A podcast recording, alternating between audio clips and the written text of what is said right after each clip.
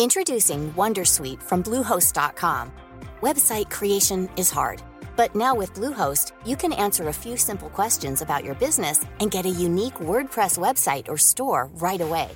From there, you can customize your design, colors, and content. And Bluehost automatically helps you get found in search engines like Google and Bing. From step-by-step guidance to suggested plugins, Bluehost makes WordPress wonderful for everyone. Go to bluehost.com/wondersuite.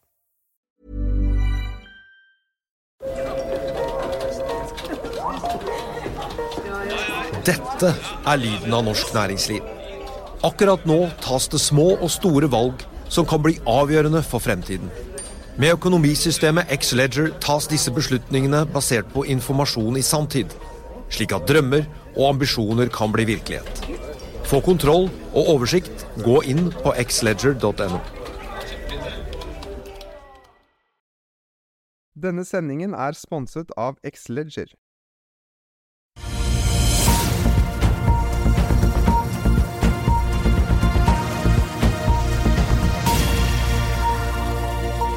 En riktig god morgen og velkommen til oss her i Finansavisen og Børsborn. Mitt navn er Marius Lorentzen sammen med aksjekommentator Karl Ann Molnes fra Smestadammen her i Oslo på denne gudskjelovdagen 23. februar. Vi kan begynne med overskriftene, for mens én nordmann rykker helt til topps i svenske ABB, så angrer en annen på hvordan han kjøpte en jaktresort i Sverige til 200 millioner.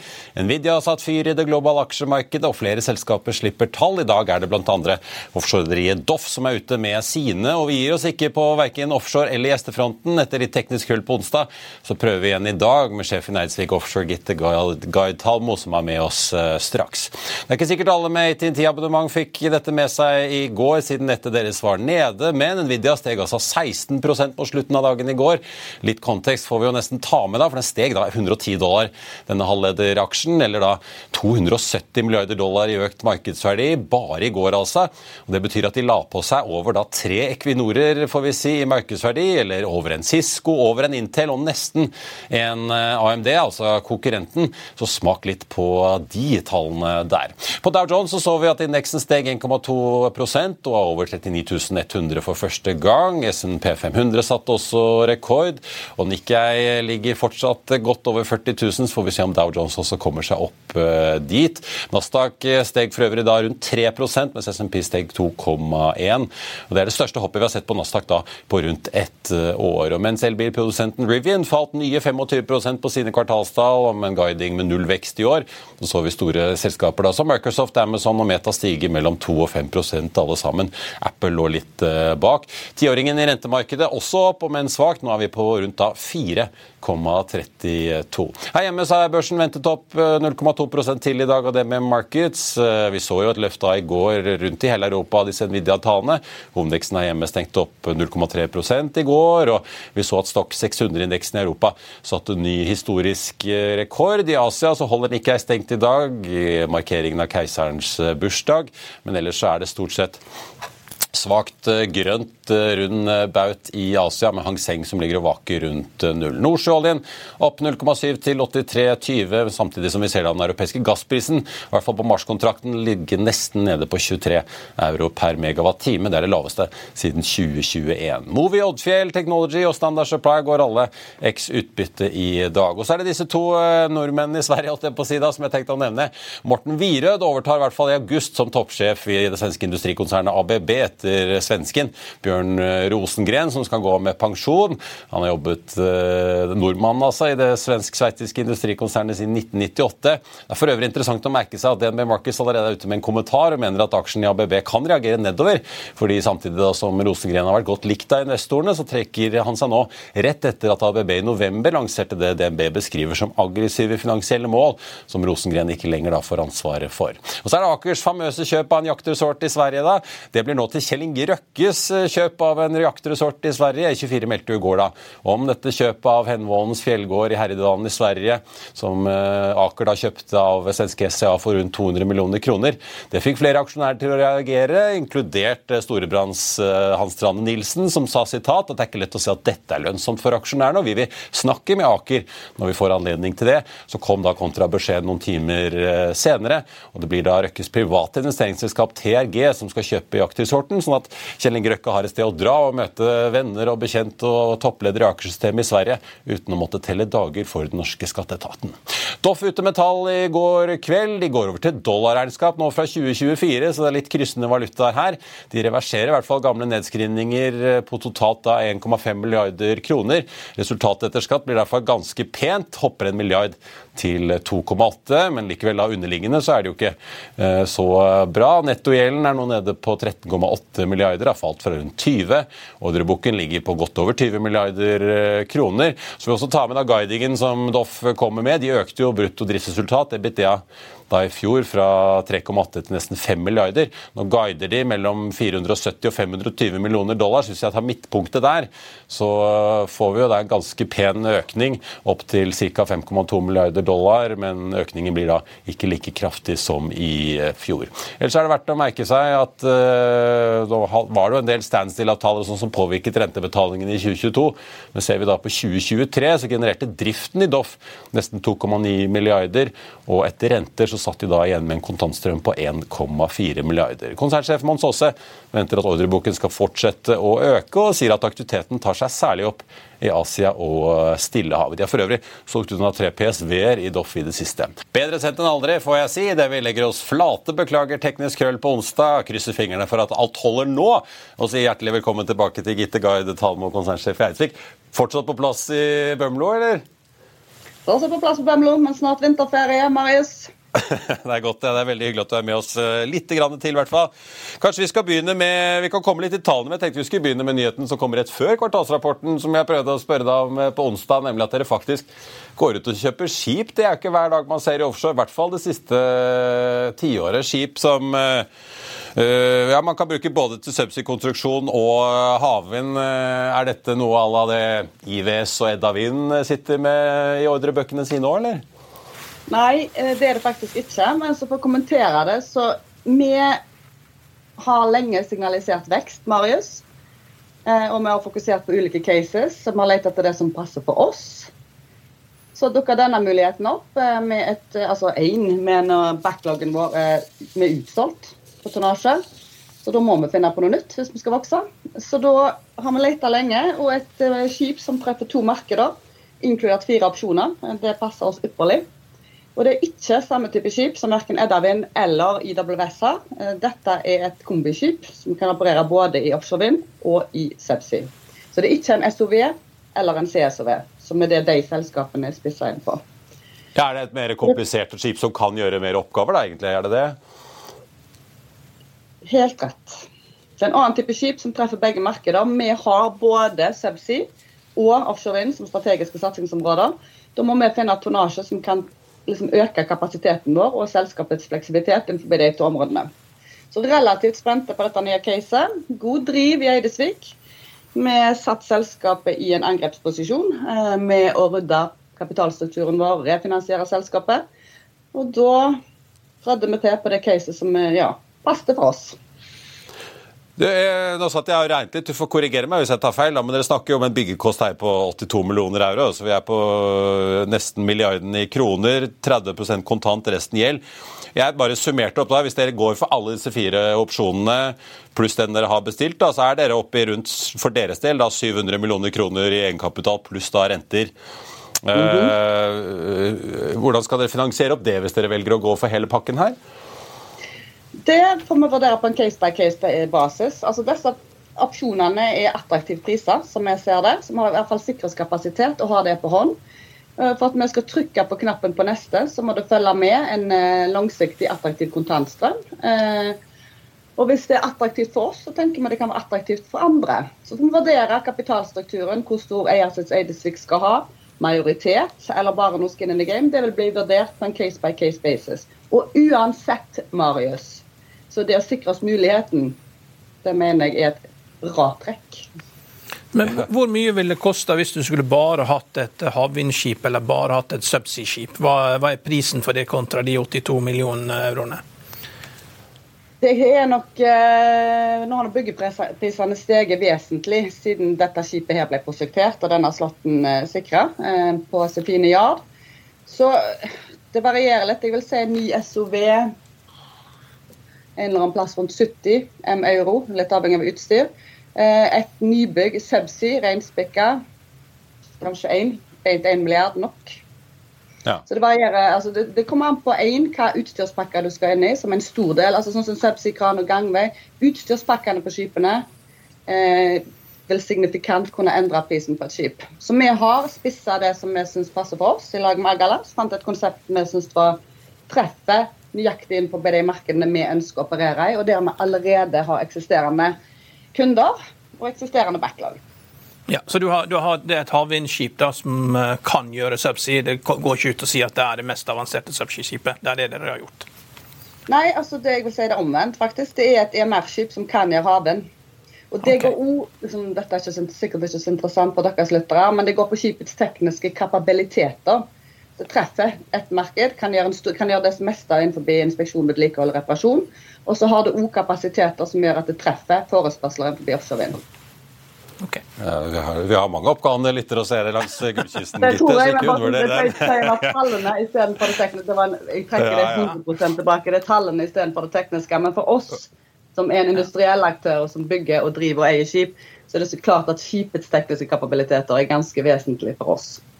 I hvert fall ut, ut fra e-posten jeg får fra lesere og lyttere innimellom. Du, eh, skal vi høre litt om eh, flåten ellers? For jeg merker meg det, Dere har jo solgt unna de tre siste seismikkskipene dere var deleier i i fjor. Eh, får vel si at dere da har rendyrket flåten Supply Subsea og, og Havvind. Og så har jo PGS, som jo eier seismikkskip, opplevd et fall i inntektene i fjor. Kan du si litt Hvordan vil dette se ut fremover? da? Er det sånn at eh, Supply også er noe dere vil satse på og kanskje eh, bygge nytt på, eller er det Subsea og Havvind hvor vi vil se nybygg eventuelt fremover fra dere? Altså, Vi har tre strategiske satsingsområder, eh, og vi ønsker nok å vokse innenfor alle. Eh, Og PSV, flåten vår, den har nå levert 100% utilisasjon i inneværende kvartal. Det er god butikk. Eh, Det er et marked vi kan. Vi har de største operatørene på norsk sektor på kundelister, som Equinor og Aker BP, og vi har langsiktig forhold til dem. Og Wintershell. Så det er klart at der det dukker opp muligheter, der multiplene er gode, der det er god butikk, der vil vi være. Akkurat i dag så er faktisk 30 av porteføljen vår innenfor offshore vind.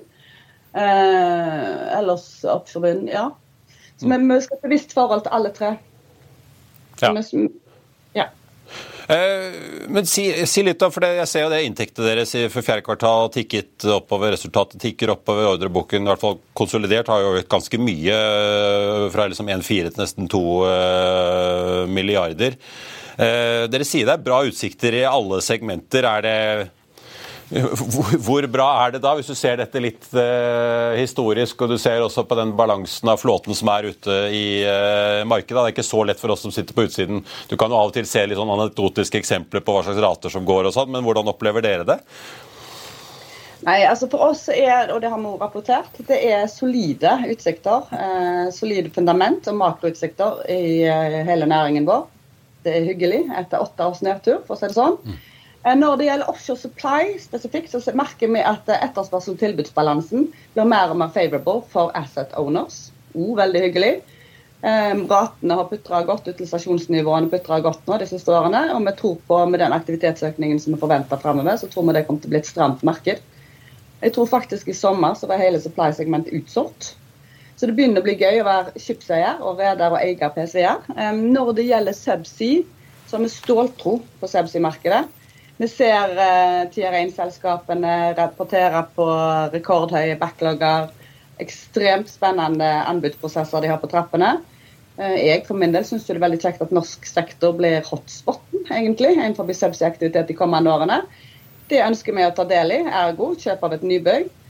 Så når det gjelder offshore vind, så har det vært en cooldown. Dette har dere helt sikkert fått rapportert. Det har vært um, prosjektforsinkelser, inflasjon, eh, disruption i supply chain for eh, operatørene.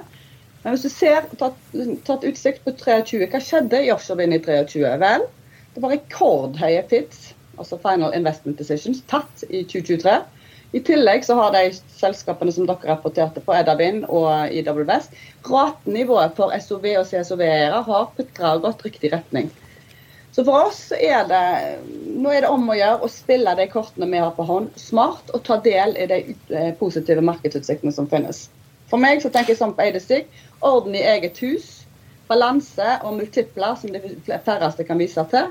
Eh, vi har stilt selskapet i en angrepsposisjon, og så får vi se til å levere på det. Hvis vi tar bare, Jeg har et spørsmål om Subsea, men jeg tenkte bare hvis vi tar på havvind først. da Jeg ser jo dere har Simen Skamesa som kunde på ett skip, bl.a. Eh, og at forsinkelser og kanselleringer skriver dere i havvind, da kan dempe ratene på kort og mellomlang sikt. Jeg hørte Edda Wind-sjefen sa at de budsjetterer ikke i hvert fall i sine prognoser de nærmeste årene for noe særlig kontrakter norsk, på norsk sokkel, hvis det blir på Sørlige Nordsjø 2 eller Utsira. Så at det blir på en måte en bonus hvis det skulle komme. Hvordan håndterer dere da hele denne havvindsektoren eh, når dere tross alt omtaler disse forsinkelsene og kanselleringene, og hvordan dere håndterer eh, risikoen for å faktisk passe på at ikke man står der uten oppdrag på noe skip? Nei, nå er det noe sånt at eh, Vi har Europa som operasjonsområde i hovedsak. Altså Du har Viking Wind Power som skal putle av gårde fra Siemens Gamesa til 2027. Eh, så Det er helt i henhold til 86-strategien. Lange kontrakter og langsiktige partnerskap. Da vil det skipet jobbe i over ti år for Siemens Gamesa.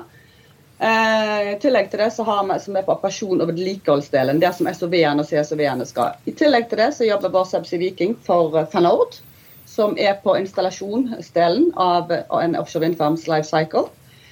Så vi tenker vi har posisjonert oss godt for det. Og for oss er det sånn, går olje og gass fint, da kan de, dette nybygget, eller og med opsjonene, jobbe i subsea Eh, blir det veldig attraktive markeder i CSOV og SOV-markedet, ja, da tar vi dem. Og vi er ikke en pure Norwegian kontinentalsokkelspiller. Der det dukker opp muligheter eh, i våre markeder, så kan vi være der. Vi er et fullintegrert rederi i stand til å operere skip hvor som helst i verden. Så Teknip FMC, en av de store innen subsea, var jo ute med kvartalsrapporten og jekket opp sin langsiktige guiding de neste tre årene på hva de forventer av nye ordrer inn, med 20% Det blir ganske mange milliarder dollar når du summerer opp. Eh, vi ser jo andre også.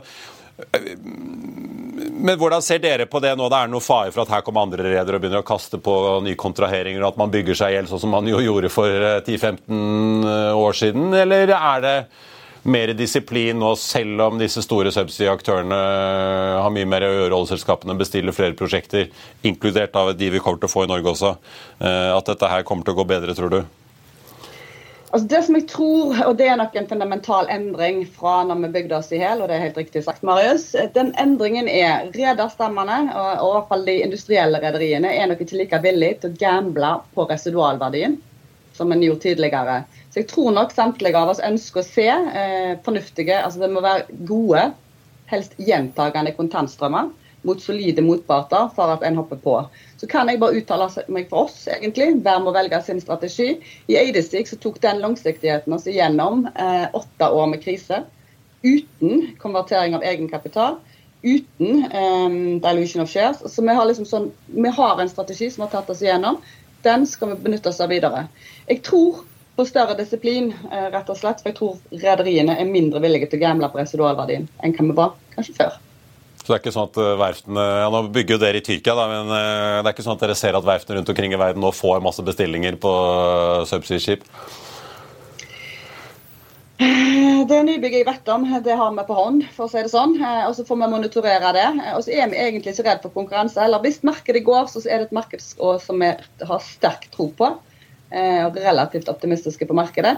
Når markedet går, for å si det sånn, så får, må selskapene gjøre det som passer best for dem. Vi holder fokus på vårt, og mener vi har posisjonert oss godt for vekst i to av våre strategiske satsingsområder. Men når, når du sier du har... Marius, ja. en ja. ting til. Det var veldig, Unnskyld det med teknisk. Jeg er bare veldig, det pleier å være lite fokus på teknisk i våre presentasjoner. Altså, ja. Jeg kunne diskutert ja, ja, sånn, ja, ja. Jeg meg bare for å diskutere det en dag.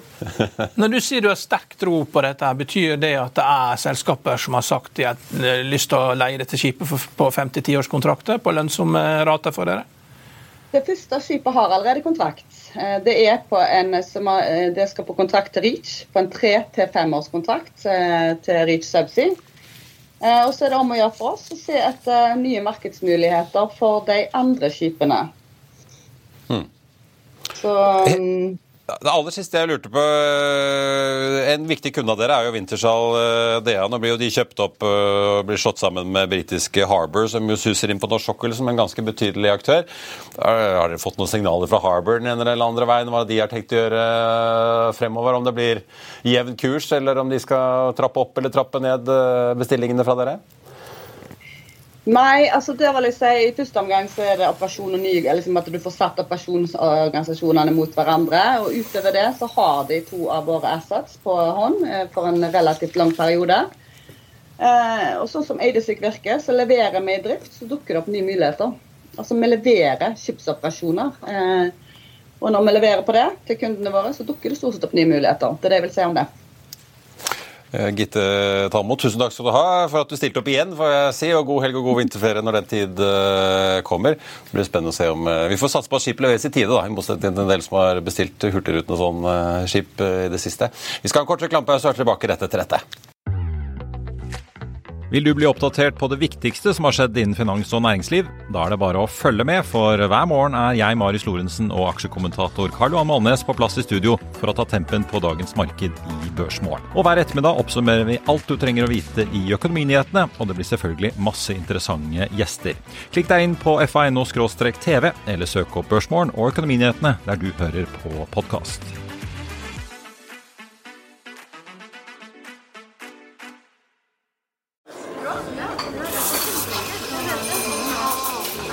Dette er lyden av norsk næringsliv. Akkurat nå tas det små og store valg som kan bli avgjørende for fremtiden. Med økonomisystemet X-Leger tas disse beslutningene basert på informasjon i samtid, slik at drømmer og ambisjoner kan bli virkelighet. Få kontroll og oversikt, gå inn på xledger.no. Denne episoden er sponset av van Brun, en fremtredende smykkeforhandler kjent for sitt brede utvalg av forlovelsesringer, gifteringer og diamantsmykker som bæres og elskes i generasjoner. Et frieri er en av de største øyeblikkene i livet, hvor forlovelsesringen er et tidløst symbol på kjærligheten. Valg av ring krever omtanke for både hvilket metall og diamant, med et bredt spekter av både naturlige og labdyrkede diamanter, og metaller som platina, gult gull, hvitt gull og roségull, hjelper de deg med å sette et personlig preg på din kjærlighetshistorie. Van Brun vil gjerne invitere deg til å prøve på tre av dine favorittringer fra nettsiden helt kostnadsfritt. Du kan også låne et bredt spekter av frieriringer, slik at du og din forlovede kan velge en ring sammen etter det store ja. Van Brun tilbyr 90 dagers åpent kjøp og 90 dagers gratis størrelsesjustering. Utforsk deres eksklusive sortiment i luksuriøse omgivelser. Bok en konsultasjon sammen med en diamantekspert i deres showroom i Oslo. Eller online på vanbrun.com. V-a-n-b-r-u-u-n.com.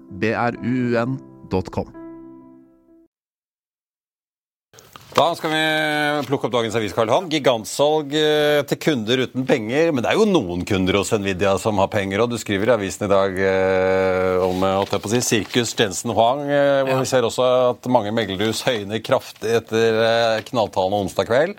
Nei, det, det, som drev kursen opp, da, jeg har jo hørt på eh, mye siden eh, den var skrevet, da, så det er jo at andelen av salg til Kina har falt fra 20 til 5 da. Ja. Og det, det er ganske markant markant. Det er ganske markant. Det, da tar du bort en usikkerhet.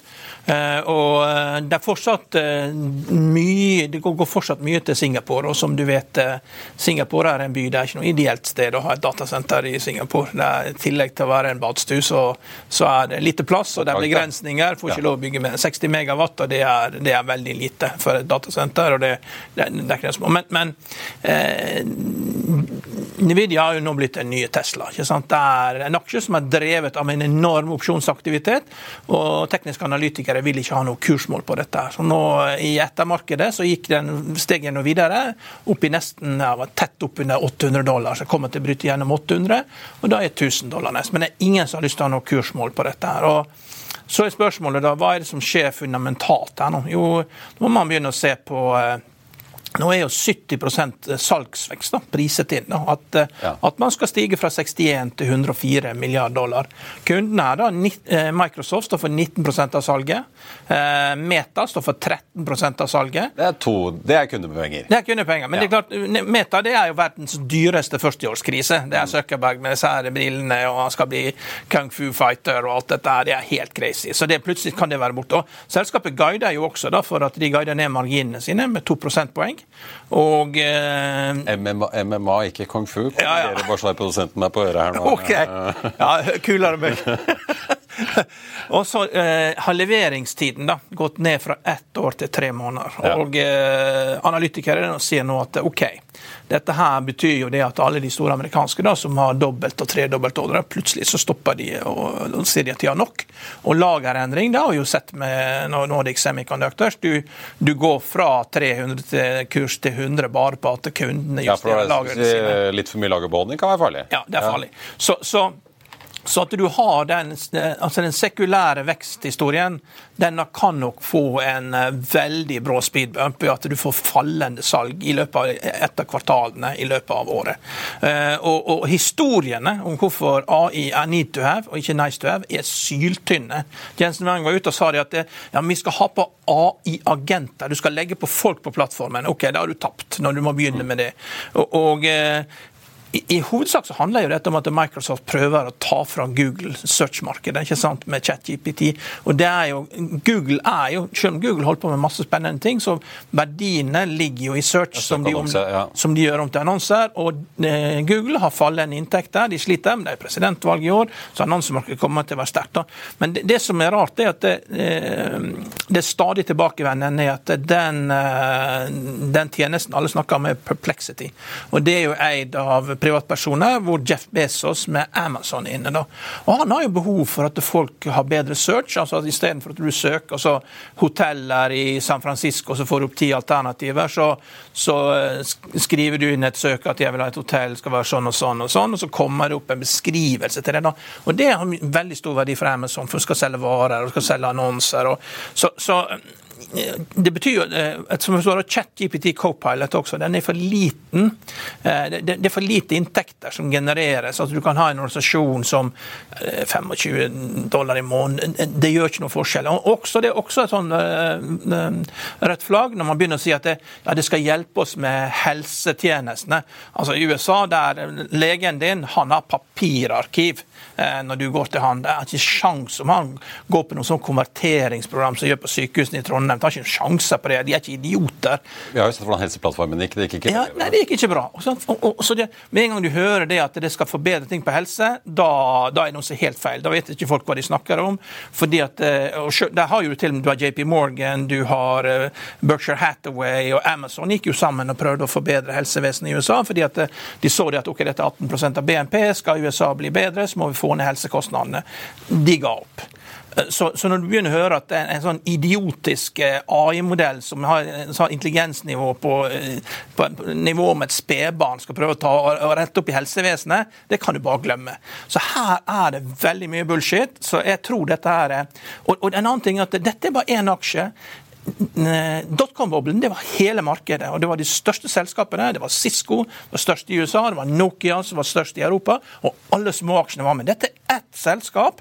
Og XLK-indeksen, altså teknologiindeksen, gikk ikke til all time high i går.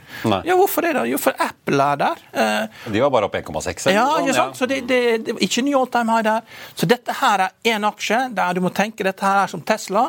Og den, den kommer, de kommer til å gammaskvise opp som de kan. Så dette her er når festen er på sitt mest intense, og du har det så gøy at du har glemt hva klokka er, men du må vite hvor exiten er. altså Det kan komme når som helst. Ja. Du har jo, som eh, Bernt i Stolt Explorer-fondet Ja. påpekte, ikke sant? Ja. Eh, inntjening per aksje har jo steget fortere enn kursen, og da går det jo Ja. Da holder jo pen seg pen, holdt jeg på å si, fortsatt. ikke sant? Ja, det er Og det er jo helt vanvittige tall. Vi snakket jo om det i går. ikke sant? Altså Omsetning opp 126% Marginen er jo jevn og fin, og inntjening per aksje opp 700% år over år i fjerde kvartal. Ja, men det er 20 ganger sales, og, og Det er jo helt, teknologianalytiker helt eh, Texas, men det er klart snur det. Teknologianalytikeren sier det at eh, du må regne med han, han sa vel at jeg kan garantere i løpet av de neste åtte kvartalene så jeg er helt sikker på at du får fallende salg etter kvartalene. Mm. Og han sa det kan komme til å komme fortere. Han var jo forsiktig, da, men, men, men når, du, når, når, eh, eh, leveringstiden går ned fra ett år til tre måneder på Det er virkelig et varselsignal om at da Og det har vært dobbel og tredobbelt ordring. Så jeg sier ikke at det skjer i dette kvartalet her. Det er et valgår, det er mye aktivitet som skal skje, det er mye annonser, det er mye aktivitet eh, i USA. og Det kommer, det kommer til å bli brukt en formue på annonser i USA som kommer til å støtte opp under alle typer aktiviteter, iallfall ut et år her. da. Ja, ja. Og så har jo datasenteret vært i kraftig vekst, men det er klart på et eller annet tidspunkt så begynner jo det å avmatte seg også. Vi har jo sett skyleverandørene. Der begynner jo inntektene å vokse mye roligere enn det de har gjort. Altså Hvis du ser på Amazon og Microsoft Masher og Ja, og så har du disse rare ordrene da, til og. Google sin cloud, liksom. Så det er klart det kommer jo, Vi vet jo også at AMD jobber med chipper. Vi vet jo også at disse store Meta Amazon sånn, de jobber jo med egne brikker. ikke sant? Så, så um, konkurransen kommer jo. når du har selskaper som heter ACC, og, og, de har to millioner dollar i egenkapital, og de har kjøpt brikker for 1,1 milliard, så er det klart at eh, Og, og du, skal, eh, du skal lokalisere et data eh, Det liksom holder til i Bangkok. Bangkok er enda verre sted å ha datasenter enn Singapore. De brikkene de skal til Kina. Så der har du da en, ja, 5 av salget. Men er klart når Kina da går ned fra 20 til 5% så det er ikke rart om at det salget til Singapore 10-15% er utelukkende Kina. Så her er en del bevegelige deler, men i hovedsak da så jeg tror at eh, artificial intelligence det er nice to have, men det er ikke need to have før de kommer opp med noe som virkelig forandrer verden. Og det har ikke de gjort. Sånn som det, sånn som det er nå, så er det bare komedie. altså de Kule videoer og sånn. Men kule videoer har vi alltid hatt. eh, Og, og, og også det er klart det, Large language models det er, det klart det er en fordel for engelskmenn. For det britiske språket er jo sånn kombinasjon, veldig fleksibelt språk, kombinasjon av tysk og latinsk. og uh, Kina mye vanskeligere å lage large language model. Så jeg får liksom denne Star Wars-følelsen. da, At eh, Russland klarte liksom å henge med da på å konkurrere, Sovjetunionen å henge med og konkurrere med USA. Men når det begynte med Star Wars, da ble det altfor abstrakt. og da liksom, Hvordan skal vi konkurrere med dette her? Vi klarer ikke å ljuge inn en Star Wars i femårsplan. og Derfor syns jeg det er så rart at de snakker, og at USA, Russ, Russland nå snakker om ja, vi skal ha atomkraft opp i, opp i space. da, så Nå prøver de å ta igjen da, mot USA om at du, du prøver å lage abstrakte fiendebilder og, og liksom gjøre ting som du ikke klarer å konkurrere med. da. Litt golden eye over det hele. Ja, ikke sant? Er det ikke det? Ja. Men du, jeg tenkte ellers, apropos Kina, da. Vi har et par andre nyheter vi burde øh, nevne. Reddit vi på børs, og så har vi de kinesiske myndighetene som prøver å Vi skulle egentlig snakket om det i går, stramme inn på institusjonelle investorer og sin mulighet til å kjøpe og selge eh, aksjer nær åpning og stenging, meldte Bloomberg. Og de planlegger å drive og spore opp de som driver og shorter. Eh, De begynte vel å stramme litt mot retail-investorer først, så vi tidligere her i år. Men eh, det er jo ikke et godt tegn, er det det? Når liksom myndighetene En ting er jo hvordan de holder på med, med politiske motstandere og de som lager litt for mye bråk i sosiale medier og ytrer seg med ting partiet ikke liker. men det er ikke veldig godt nytt for eh, Kinas økonomi hvis de begynner å gå løs på kapitalmarkedet og dens funksjon. Det har de jo så langt. Ja. Dårlig likviditet. Det er jo sånn i Norge også at mye av eh, aktiviteten er jo på åpning og på close. Det er 80% av handelen er på første halvtime siste halvtimen. Og det er klart, Da er det mye enklere å spore opp også de som prøver å shorte. Skal du shorte, så, så må jo du ha likviditet. Altså det, du, du, du bygger en mur, mur, rundt eh, de som bor der. Så det er jo absolutt ikke positivt. da. Og jeg har jo lagt merke til en som jeg kjente veldig godt, som eh, bodde i Hongkong. Han ga ut en bok om at Kina ikke var så farlig, og uh, The Great Rupture. Og så plutselig så har han flytta til New York. altså det var Kanskje det ble farlig likevel. Så eh, jeg tror folk ønsker å komme seg ut av Hongkong. altså Det har ikke blitt sånn som de trodde. Det har falmet litt Ja. fra hva det var. Ja. Reddit, da? Reddit, eh, Har du trua? Jeg, jeg tror, eh, jeg tror Det er jo et godt tegn at vi får en børsnotering. Ja, jeg tror, jeg tror verdivurderingen er oppe på 10 milliarder. Jeg tror den har blitt halvert på neste runde. Jeg tror det er 5 milliarder. Men det de har gjort, da Det, det, her, ja. det, det, som, eh, det som de har gjort, da 10 milliarder dollar. Ja, men det er Det er, det, er kommet en ny, ny capital round på 5 milliarder etter de tallene der. Ja. Og, og, og, og eh, det de har, da De har jo gitt Google rett til å kjøre sånn large language model da, på Reddit sine På foraene. på foraene. Og eh, nå må vi lese prospekter for hvor mye Reddit får betalt for dette. Men de taper jo masse penger, og de har jo holdt på en del år. og Det er jo tette brukergrupper. og eh, Jeg vet ikke, jeg har ikke sett på det. Det er jo, kommer jo sikkert til å selge. og CEO-en han hadde jo 190 millioner dollar i, i lønn i fjor. Så det er klart, selv om du taper masse penger, så kan du godt ha høy lønn i sånne selskaper. Ja, ja, ja. Det er det er ikke tvil om. Jeg tror det er mannen til hun eh, Serena Williams, som er en av stifterne uh, Oynhan, eller hva heter han? ja. Han eh, ja, Han sjekka han opp på en frokost eh, i Roma. eh, på et frokostbord. Og tok kontakt med henne. Og, så han- er Og det er Serena sin mann eh, som er hovedeier, tror jeg, i Reddit. Kanskje vi kan få noen litt sånn eh, catchy promovideoer for eh, børsnoteringen med noen liksom uh, pene backhander på Roland Garros eller noe sånt? Jeg møtte hun Venus Williams på gaten i New York. Hun er høy, altså. Og tynn. Og hun er høy. Du skjønner at det går unna på tennisbanen? ja. Det er, eh, ja, Vi får se. Ja. Ellers uh, Det var for øvrig interessant. Da, et litt artig poeng Ali Sjo, analysesjefen i Nordkapp, som vi har hatt på besøk her før, påpekte at Nikkei-indeksen i Japan, da, som satte en ny rekord denne uken, er jo ikke utbyttejustert. Så egentlig, sa han, han hadde regnet på det, så ble jo da all time high nådd i 2021. Ja. ja. Og så er den jo da også aksjekursvektet og ikke markedsverdivektet. Da, sånn at Toyota utgjør bare 1,4 sånn, så det er jo litt som Dow Jones. Det blir jo litt uh, skjevt. Ja, eh, Japan er spesielt. De har veldig lav egenkapitalavkastning på selskapene sine. så det er, det, Japan er det nærmeste du kommer et sosialistisk samfunn, egentlig. Det er, eh, det er team.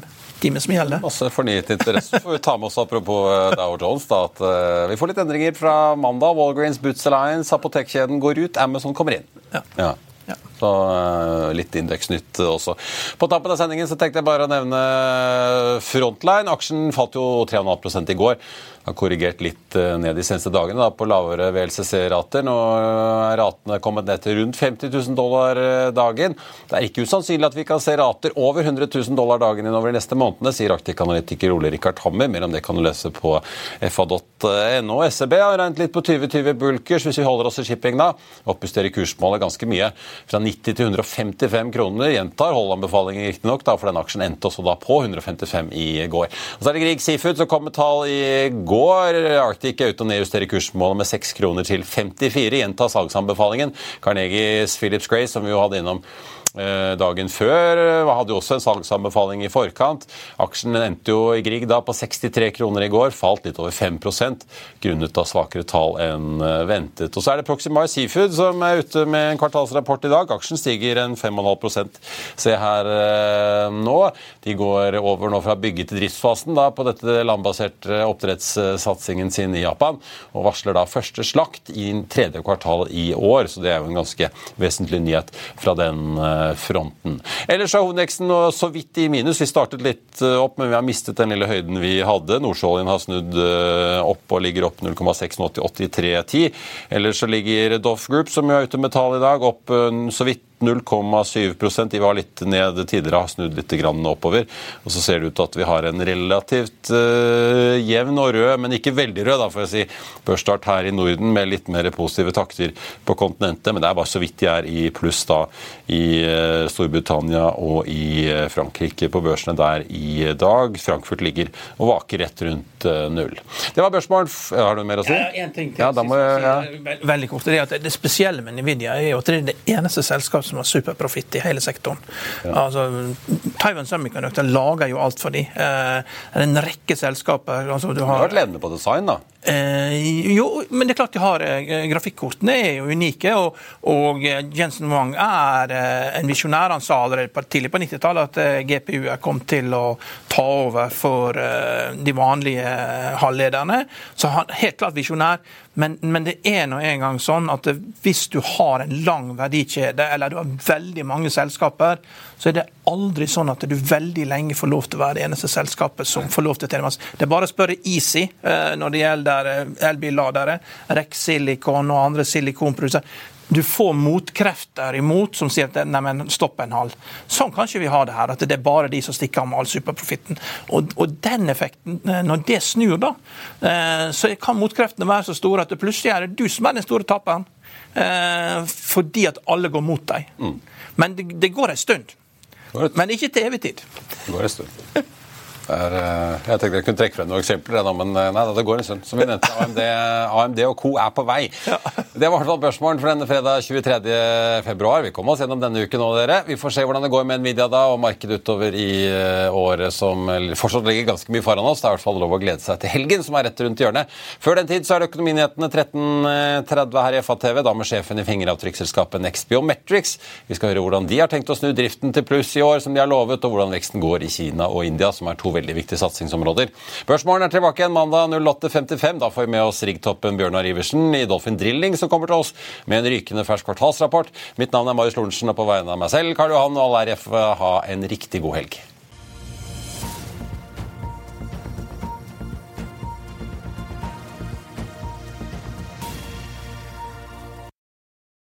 Denne sendingen er sponset av Xleger. Økonominyhetene er en podkast og videoproduksjon fra Finansavisen. Programleder er Marius Lorentzen. Aksjekommentator er Karl Johan Molnes. Produsent er Bashar Johar. Podkast- og videoansvarlig er Marius Mørk Larsen. Og ansvarlig redaktør er Trygve Hegnar.